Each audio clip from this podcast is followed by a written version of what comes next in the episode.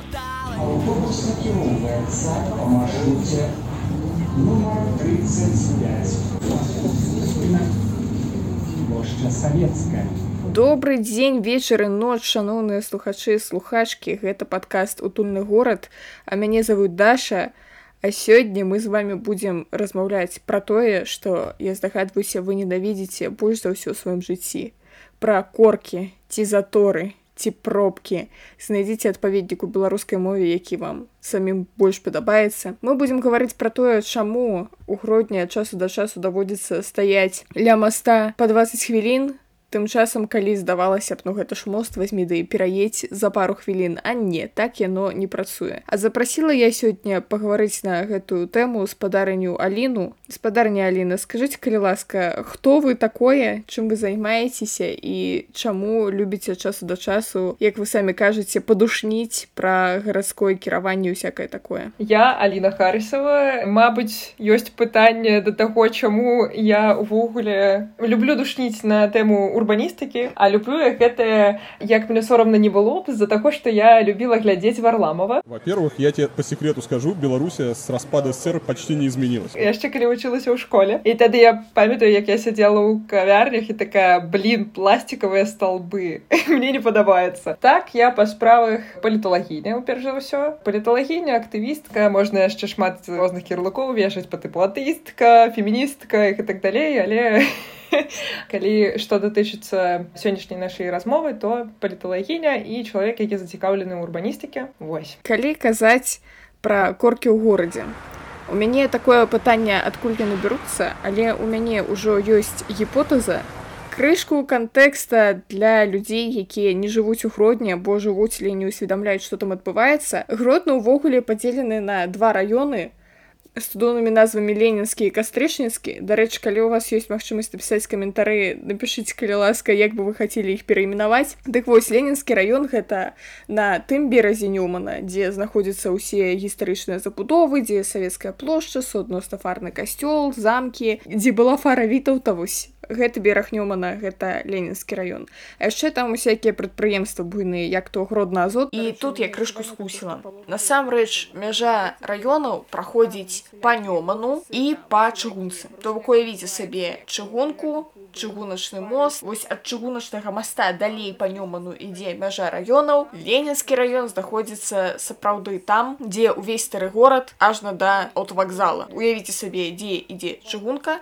Стоп! Тут скончваецца ленінскі раён. Па той бок чыгункі дзе аўтавакзал і ўсё астатняе і там далей грод назад гэта ўжо кастрычніцкі раён. Але сутнасці гэта не мяняе. Насамрэч усё адно усе вясёлыя лакацыі знаходзяцца на тым беразе нёмана дзе ленінскі раён а вось на тым другім беразе нёмана усякія спальныя кварталы. Фолюш вішнявец альшанка паўднёвы усё як мы любяць чалавека ленінскі раён там усялякія офісы там усялякі варушняк адбываецца як то кавярні клубы бары ўсё астатняе а ў кастрычніцкім раёне канешне таксама ёсць часткова офісы прадпрыемствы невялікая частка усякіх бараў рэстаранаў але меншая частка а вось людзей там жыве нашмат болей. То бок дакладна па статыстыцы больш за 220 тысяч чалавек жыве менавіта у кастрычніцкім раёне тому что там фоліш вышнявец альшанка паўднёвы а ў ленінскім раёне суадносна жыве ўсяго ты на ўсяго 140 і трошки тысяч чалавек Вось так у нас выглядае город гродна. І гэтыя самыя людзі якія жывуць у кастрычніцкім раёне яны ездзяць на працу ці на тусоўкі ці на вучобу менавіта у ленінскі раён якія раздзяляюць нёман і масты суадносна і вось адбываецца такі эфект варонкі калі з усіх спальных раёнаў да мастоў з'язджаюцца людзі людзі людзі людзі і суадносна там здараюцца коркі асабліва на коле табачкі як прынята ў нас казаць там такое здараецца што не дай Божа там яшчэ і такія развязкі што часу да часу людзям цяжка зразумець як раз'ехацца некаторыя ведаюць як правільна раз'язджацца але не хочуць раз'язджацца па правілах і здараецца ўсё вельмі дрэнна А цяпер спадарня Аліна пракаментуйце калі ласка ці гэта тыповая сітуацыя ці ў нас горад атыповы? Сітуацыя цікавая з-за мастоў менавіта але коркі гэта такая звычайная справа для гарадоў гарадоў у якіх не вельмі добра распланаваны той самы горад. І мне было вельмі цікава яшчэ дарэчы слухаць усяго тада ўсяго 140 тысяч і я такая з маленькага гораду слуцку. Такая Вау гэта ўсяго та на ўсяга два слуцка тут цікавая сітуацыя з мастоў і гэта такая праблема яна канешне комплексная. Нельга там назваць адную прычыну ўсіх гэтых корак усіх праблем гарадскіх только нечым адным абрэсліць але ўсё роўна гэта сводзіцца да таго што ёсць праблема з гарадскім транспартам. Гэта заўсёды так. Калі людзям не хапае гарадскога транспарта для іх самым найлепшым спосабам дабрацца да работы дабрацца да працы дабрацца да я не ведаю вучобы ім заўсёды гэта будзе прасцей зрабіць на уласным аўтамабіле калі мы плануем горад і робім яго максімальна утульным для аўтамабілей тады ўзнікаюць праблемы з пробкамі.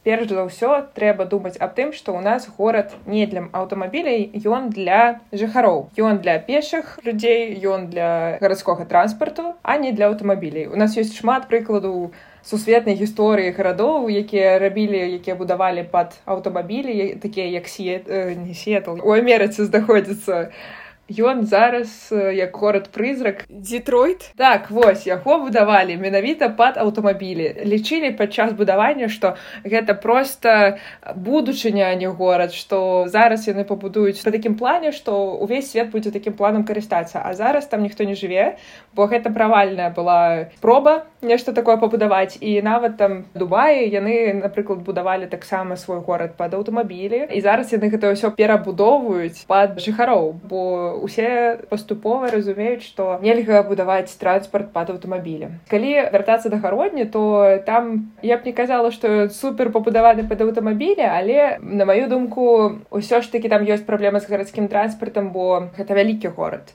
Тое што там па першыя чатыры масты гэта не вельмі добра але дабаўляць дарогі для вырашэння з пробкамі гэта не самая лепшая таксама стратэгія у нас дадаюць дарогі прапач я себе перарву таму что апошні мост ён з'явіўся зусім нядаўна там былі усялякія мемы про то як яго гераічна адкрывалі а ён ты памятаеш гэту всю гісторыю про то як яго гераічна адкрывалі а ён там разбураўся тому что пайшлі дажджы і трава не порасла к сожалению действительно праздник пришлось и открытие моста отменить. Э, город годно подверг суд в очередной раз удару стихии. Представьте за 20 минут выпала две декадная норма сад да там веселы всякие былі гісторыі А гэта не там яшчэ папы стаялі і свяцілі гэты мост каб ён больш не разбураўся і сапраўды праз некалькі дзён пасля таго як быў сарваны гэты урачысты дзень адкрыцця моста праваслаўныя святары правялі там малебен.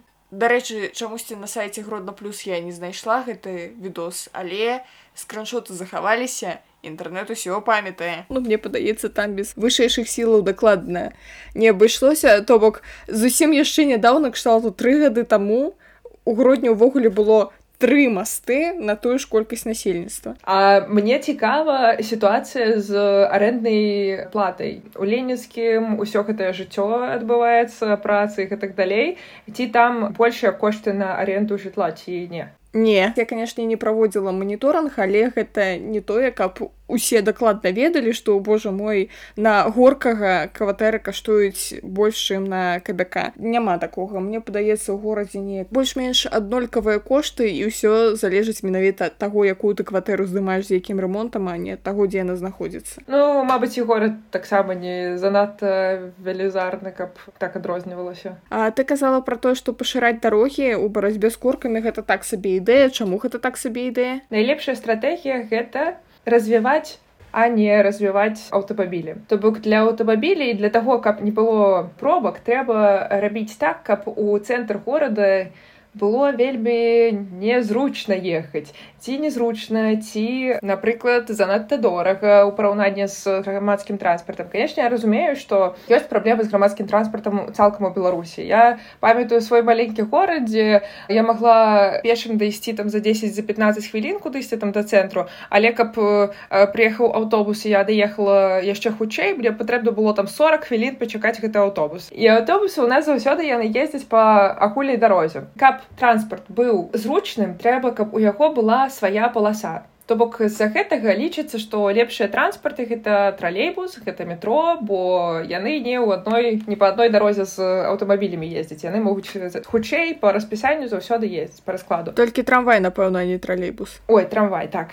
Таксама ёсць практыка таго, што для аўтобусаў робяць асобную дарогу. За гэтага яны таксама заўсёды па раскладу ходзяць. І тады ўжо перад жыхарамі паўстае пытанне, што абраць свой асабісты аўтамабіль ці абраць транспарт. Канешне, ёсць вялізны адсотак людзей, якія ніколі з уласнага аўтамабіля не перайдуць на грамадскі транспарт. Хтосьці можа працаваць за горадам і так, так, так далей, у кожнага свае прычыны не перайдуць, але ёсць вялікая колькасць людзей, якія вагаюцца ці адно ці другое. Калісьці тыя людзі, якія будавалі гарады, яны чамусьці думалі, чамусьці лічылі, што вось гэта две асобныя групкі людзей. Адныя гэта карыстальнікі грамадскага транспарта, другія гэта карыстальнікі ўласнага аўто. Але быў такі нямецкі даследчык, ён і распяваў гэтую тэорыю, што гэта ўсё адное, гэта проста жыхары.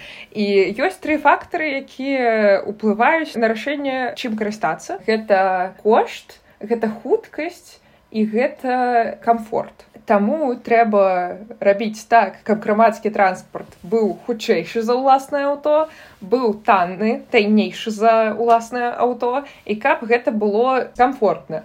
Як гэта зрабіць? Гэта зрабіць трэба так, што ў нас ёсць транспарт грамадзянскі, які ходзіць па ўласнаму шляху, які не стаіць у пробках разам з усімі аўто. Гэта трэба зрабіць тым чынам, што кошты на грамадскі транспарт павінны быць невысокія. З-за гэтага вельмі хэйчу нямметчыну, дзе я зараз даходжуся, бо тут каштуе праезд там три з паловы евро. Гэта занадта шмат. Трэба рабіць падымаць кошты як гэта можна для аўто і рабіць незручным паркоўкі напрыклад. Каб у цэнтры яны былі заўсёды платныя каб нельга было паркавацца паўздоўж дарогі каб гэта было забаронена і штрафавалася. Таксама можна глядзець на прыклады іншых гарадоў. Калі казала пра нямецчыну тут есть один горад называется штутгард я калі туды прыехала мне вельмі спадабалася іх практыка калі ты там пакідаеш сваё аўто на паркоўке якая знаходзіцца за кольцом то твой білетик за які ты там ну ты аплочваеш за гэтую паркоўку яна таннейшая чым тая якая у горадзе знаходзіцца і по гэтым білетику ты можаш ты атрымліваеш праязны на ўвесь дзень по штутгарту на 5 чалавек і на нейкую колькасць дзяцей яшчэ супер практыка то бок можна просто глядзець на розныя мировыя практыкі іх таксама перанімаць і ўводзіць у беларусі чаму б не. Вось і апошні фактор гэта комфорт то бок трэба каб гэты транспорт хадзіў не раз у 40 хвілін як я ўжо сказала а каб ён сапраўды часта хадзіў каб не трэба было яго чакаць каб усе пунктуальна маглі дабрацца там да працы да вучобы і гэтак далей. І тады ўжо вось гэтая вялізная колькасць людзей якія вагаюцца ці ім свой уласны аўтамабіль купляць ці карыстацца транспартам грамадскім то яны абяруць транспарт бо просто будзе незручна карыстацца аўто глядзе табе яшчэ да пытання комфорта мусіць да дам два поинты поинт нумар адзін у аўтобусах мусіць быць улетку кандыцыянеры і ацяпленне ўзімку Таму што без гэтага жыць немагчыма. Мы тут ужо ў сваіх гэтых Еўропах разбышаныя тым, што ну а як інакш. Але не паўсюль так. І ў старых аўтобусах ведаеш такія жоўтыя з надпісам дзеці, а ніякіх кандыцыянераў не прадугледжана. Зразумела, а вось кшталту такіх аўтобусаў яшчэ можна сустрэць на гродзенскіх дарогах. Яшчэ адзін момант гэта тое, каб прыпынкі былі ў цябе не ў 20 хвілінах ціхаю хадою ад тваёй хаты, таму што калі ты абіраеш ці мне паехаць на машыне, якая мяне стаіць вось пад вокнамі, ці мне прайсці 20 хвілін да прыпынку, ну зразумела, што ты абярэш. Згодна, другі поінт вельмі добры і яшчэ я вось пакуль ты казала згадала яшчэ трэці дадам да гэтага гэта маламабільныя грамадзяне маглі карыстацца як транспартам, так і гарадской прасторы і трэба так будаваць горад. І таму вось усе гэтыя трамваі, аўтобусы у Еўропах гэта робіцца, пад'язджае аўтобус, ён так трошки нахіляецца. Ты можаш націснуць на кнопачку і калі ты на вазочку ці калі у цябе дзіцячы вазочак сабой, то ты таксама можаш націснуць, калі табе патрэбна дапамога. Кіроўца выходзіць і табе дапамагае гэта ўсё зацягнуць у аўтобус і вось так усе далей едуць. І гэта чаму пра гэта не трэба забываць. Хтосьці можа падумаць у нас же так мала людзей з інваліднасць але не. Па-першае у нас 6соткаў людзей з цяжкай інваліднасцю. У нас яшчэ да малабабільных адносяцца ўсе маці з дзецьмі і ўсе людзі сталага ўзросту. З-за гэтага часта людзі маламабільныя яны просто ўвогуле не выходзяць з дому. Ну там акрамя маці бо ім просто трэба гуляць з дзецьмі. Людзі сталага ўзросту і людзі з інваліднасцю яны просто не могуць выйсці бо у нас няма ніякіх умоў для маламабільных грамадзян на жаль. І ты ведаеш тут можа прагучаць так як быццам бы мы тут дафіга за левую павестку тупім але трэба зрабіць за ўвагу для праклятых капіталістаў. Спадары праклятыя капіталісты. Вось вы палічыце колькі людзей такім чынам выключаюцца з эканомікі. То бок тая сталога ўзросту жанчына якая б магла спакойна спусціцца сабе ўніз сесці на тралейбус які падыходзіць вось просто под яе дом даехаць у вашу крамку набыць усе магчымыя тавары потым з гэтымі таварамі зноў жа комфортна даехаць дадому колькі б яна вам могла прынесці грошай. А пакуль яна сидзіць у сваёй хаце яна не прыносіць вам грошы моя любимая рубрика патрыархат і капіталізм Вось так што мы нават праз левую павестку ўсё ж таки мусім дагрукацца да спадароў капіталістаў потому что грошы гэта таксама важна. Вось глядзі што мяне яшчэ зацікавіла ў тым что ты казала гэты прыклад штутгарта что ты не просто людзям забараняеш заязджаць на уласных аўтамабілях у горад і не просто кажаш так а зараз паркоўка будзе каштаваць усе грошы свету кому не падабаецца ідзіць нафіг а ты ім прапануеш нейкую альтэрнатыву тому что як мне падаецца зараз не прапануючы ніякай альтэрнатывы просто скажы спадарства нельга заязджаць у цэнтр ці у вас будзе столькі каштаваць паркоўка что бензин столькі не каштуе то ты просто выключыш хвалю хейта. Я не кажу про тое что у сучаснай беларусі хтосьці будзе супраць гэтага пратэставаць. Але скажем так калі б мы уявілі сабе гэтую сітуацыю сферычнага коня ў дэмакратычным вакууме вось у нас есть напрыклад урад дэмакратычна абраны. І гэта самы ўрад кажа спадарства мы просто забараняем вам уязджаць у цэнтр горада і просто у нас зараз паркоўка каштуе як ваши ныркі Ну і скажыце ці перабяруцца гэтыя прадстаўнікі ўрада на наступны тэрмін? Мне чамусьці падаецца што не. А суадносна в умовах дэмакраты ніхто не будзе прымаць такія рашэнні. Затое яны у свой срок які змены зробяць. Ну калі сур'ёзна казаць то тут просто трэба ўсё паступова рабіць. Не ў адзіны момант просто сказаць ці не пачынаць там з платных парковак по тыпу ось транспорт мы калісьці зробім але зараз вам тут праезд забаронены. Будзе каштаваць мільярд даляроў у нас паркоўка а транспорт раз 40 хвілін так і працягвае хадзіць гэта хутчэй за ўсё у нармальнай краіне вызвала б нейкія дэманстрацыі пратэсты зараз гэта хутчэй за ўсё просто вызвала нейкія недовольства асабіста ў твиттары я думаю что просто трэба ўсё ж крок за крокам рабіць адразу наладзіць на грамадскі транспорт каб ўсё хадзіла там у расу колькі хвілін і людзі ўжо пачнуць перасаджвацца бо гэта для іх будзе больш зруч потым там панізіць кошты на гэты грамадскі транспорт. Потому першы месяцы я не ведаю год гэта акупіла трошки пабудавання гэтай грамадскай сістэмы грамадскага транспорта сістэмы то потым іх можна ўжо панізіць тады яшчэ больш людзей там студэнты нейкія маладыя людзі яны таксама пачнуць карыстацца гэтым потым там ужо уводзіць гэтыя меры то датычыцца уласных аўто мне здаецца што калі рабіць такім чынам то як мага менш людзей будзе недовольнымі канешне будуць тыя людзі якія заўсёды паркаваліся ў цэнтры не было нейкіх праблем яны будуць недовольныя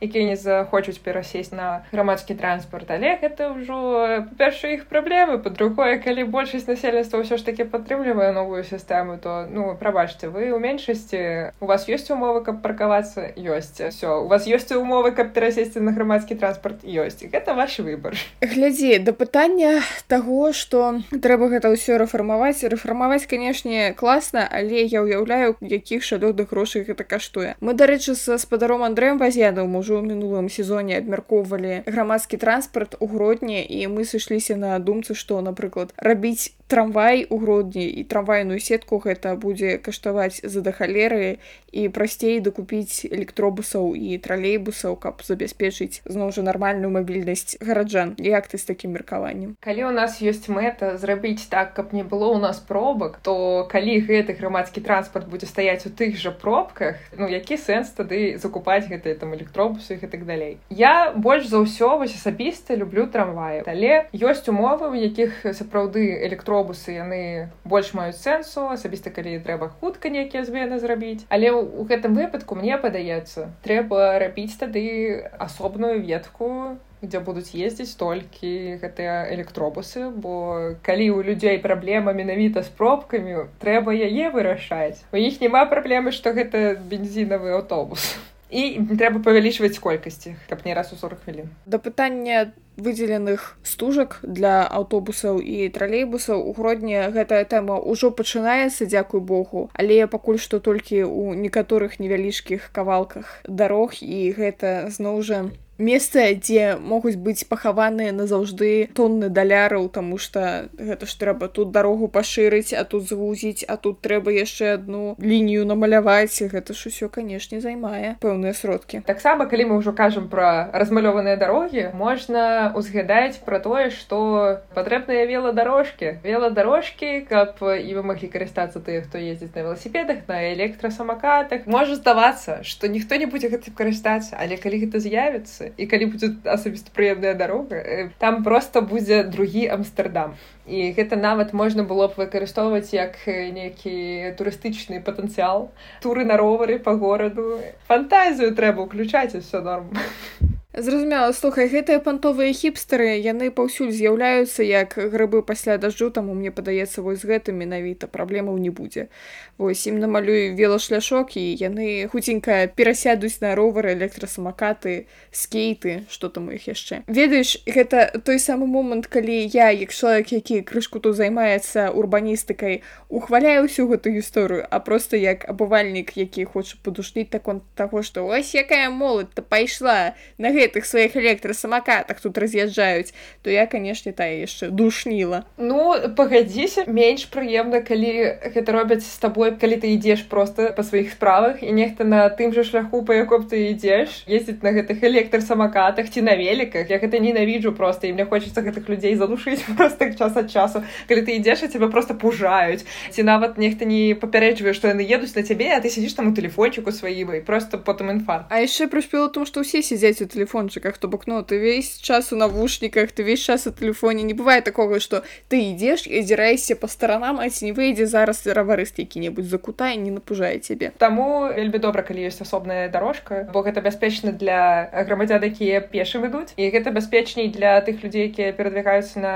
электрасамакатах і на роварах, бо ёсць нейкае абмежаванне хуткасці, якое там ужо запраграмаванае, што ты ў горадзе не можаш карыстацца электрасамакатам, калі ён едзе хутчэй, чым пэўная колькасць кіл кіламетраў у гадзіну такім чынам гэта бяспечней для ўсіх рэактыўныя самакаты разганяюцца да 100 кіламетраў на гадзіну я хочу яшчэ крышку вярнуцца да пытання планавання горада. Мне падаецца што гісторыя гродна просто ў тым што а яго асабіста ніхто не планаваў. То бок калі горад быў заснаваны 800 год таму. Дрэнна палічыла гродна упершыню узгадваецца ў летапісах у 1128 годзе то бок 900 год. Ніхто асабліва не планаваў што А вось потым ён так разрасцецца гэты горад што нам трэба будзе думаць як бы тут у нас людзі з вішнюўца якога яшчэ ў планах не было дабраліся да цэнтра бо там начны клуб. Другі момант што як мне падаецца просто ў гарадскім кіраванні з'яўлялася нейкая праблема я вырашалі кшталту. У нас шмат маладых сямей якім няма дзе жыць давайте пабудуем вішнявец. У нас шмат корак на дарогах давайте пашырым дарогу. Просто ведаеш як бы з кропкі а у кропку б. Трэба думаць прэвентыўна. Трэба вырашаць праблемы не па меры іх паступлення калі гэта датычыцца гарадской прасторы.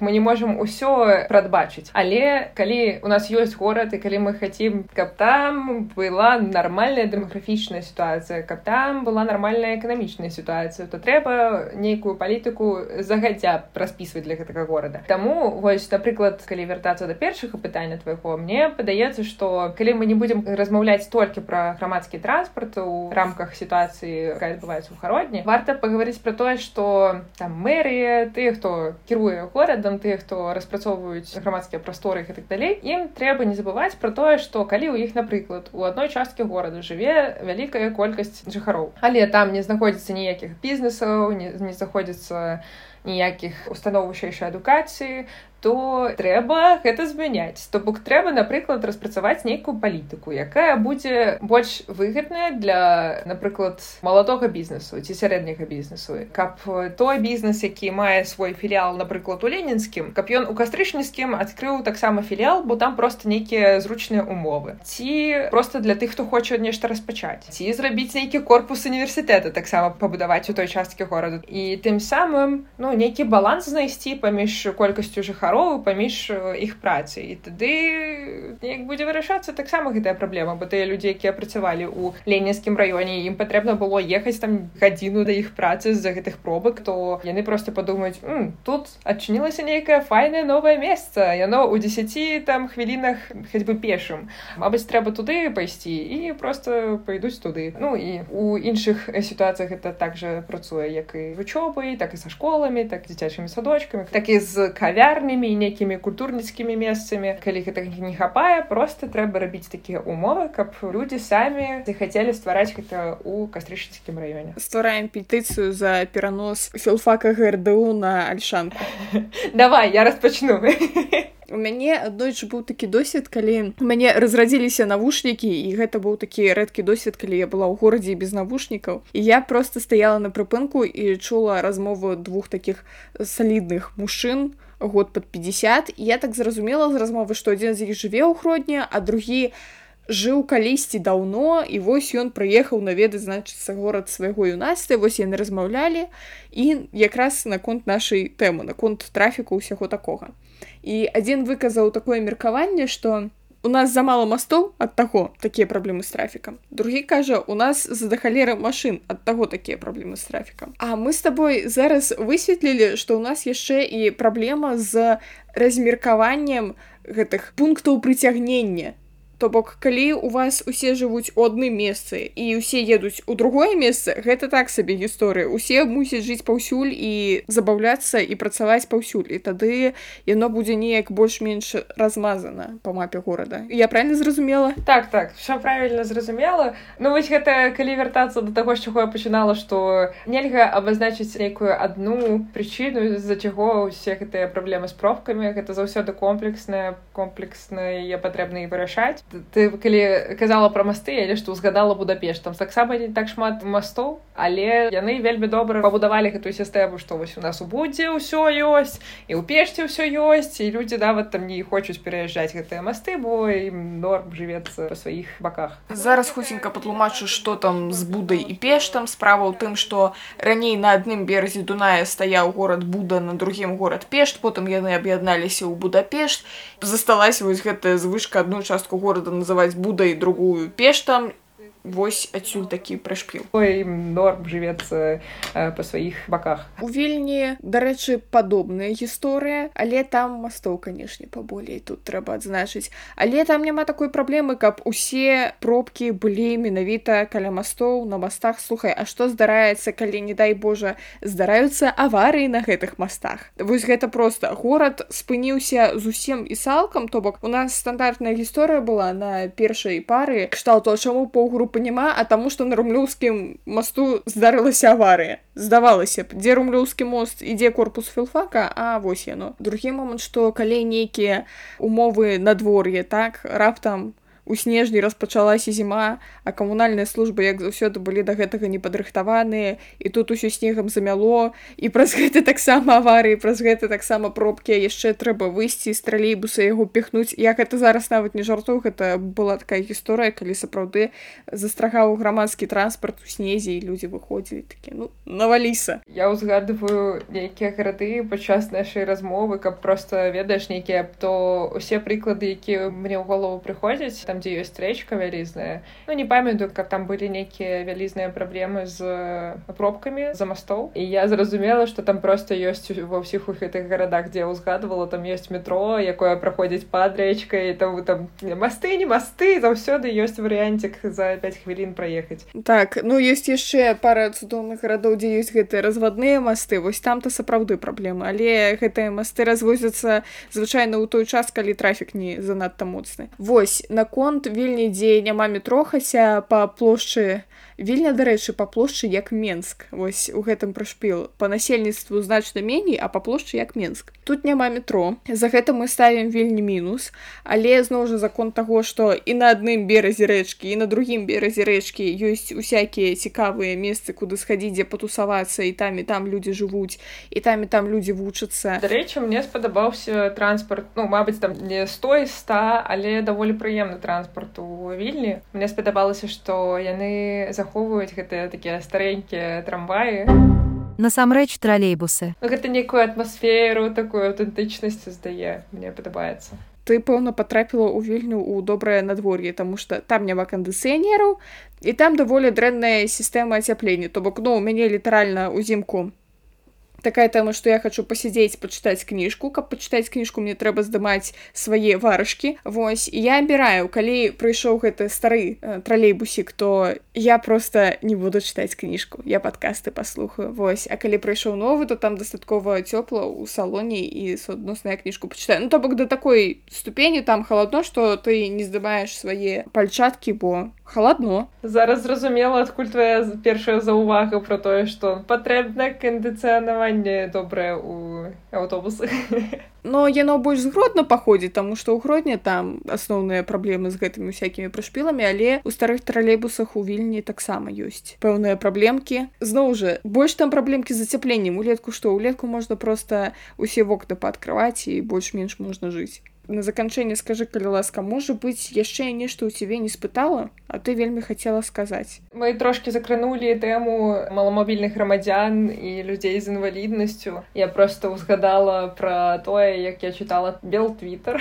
Была хутарка про тое что вось у Еўропе так шмат людзей з інваліднасцю нас у беларусі няма як файна і вось мы трошки з тобой закранули што просто людзі не могуць выйти не са сваіх не з пад'ездаў ніадкуль не могуць выйсці таму сядзяць дома таму усе і бізнесоўцы і тыя хто распрацоўвае планы горада у новых раёнаў тых хто будуюць вялікія новыя будынкі яны ўсе забываюць про тое што ў нас ёсць вялізарны пласт людзей якім патрэбныя пэўныя там умовы для іх гэта трэба ўлічваць не толькі калі нават транспарт нейкі уводзіцца а трэба ўлічваць у кожным аспекце будаўніцтва новых гарадоў ці перабудаўніцтве ўжо гарадоў якія мы маем. Ёсць яшчэ шрифт брайля яго таксама забываюць заўсёды дадаваць. Таксама на транспарце гэта вельмі нужная таксама рэч. Як там у Еўропе ў гэтых аўтобусах каб адчыніць дзверы ёсць звычайна такі кружочак пад ім заўсёды трэба таксама пісаць на гэтым шрыфце для тых людзей якія слаба бачаць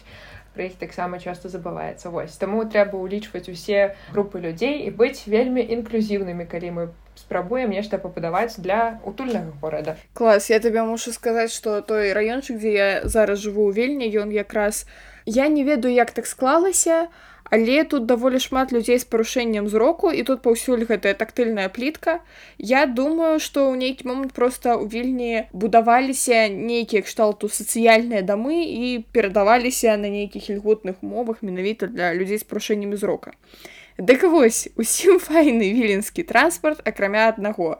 Людзі з парушэннем зрока мусяць ці пытацца ва ўсіх астатніх якія стаяць да прыпынку скажыце які гэта нумар аўтобуса або яны мусяць заходзіць у аўтобус і пытацца у кіроўцы скажыце які гэта аўтобус. Нават не ведаю якое рашэнне тут прыдумаць і агучваць нейкія нумары якія зараз падыходзяць як. Но гэта цікавы момант дарэчы бо звычайна на аўтобусах ёсць вось гэтым шрифтом тое што ўжо напісана на іх але не нумар. Добрая заўвага дарэчы зараз зараз хочу пачаць працаваць над новым праектам які будзе звязаны з людзьмі з інваліднасцю і таму гэтая заўвага мне будзе нават вельмі вельмі карысная. Таму дзякуй табе вялікі. На здароўішка стаў сабе крыжык. А вы шаноўныя слухачы стаўце лайки зорачкі усе астатнія прыемныя адзнакі. Подписывайтесь на наш падказ спадарня Аліна можа на якія твае проекты таксама трэба подпісацца Ой так канешне.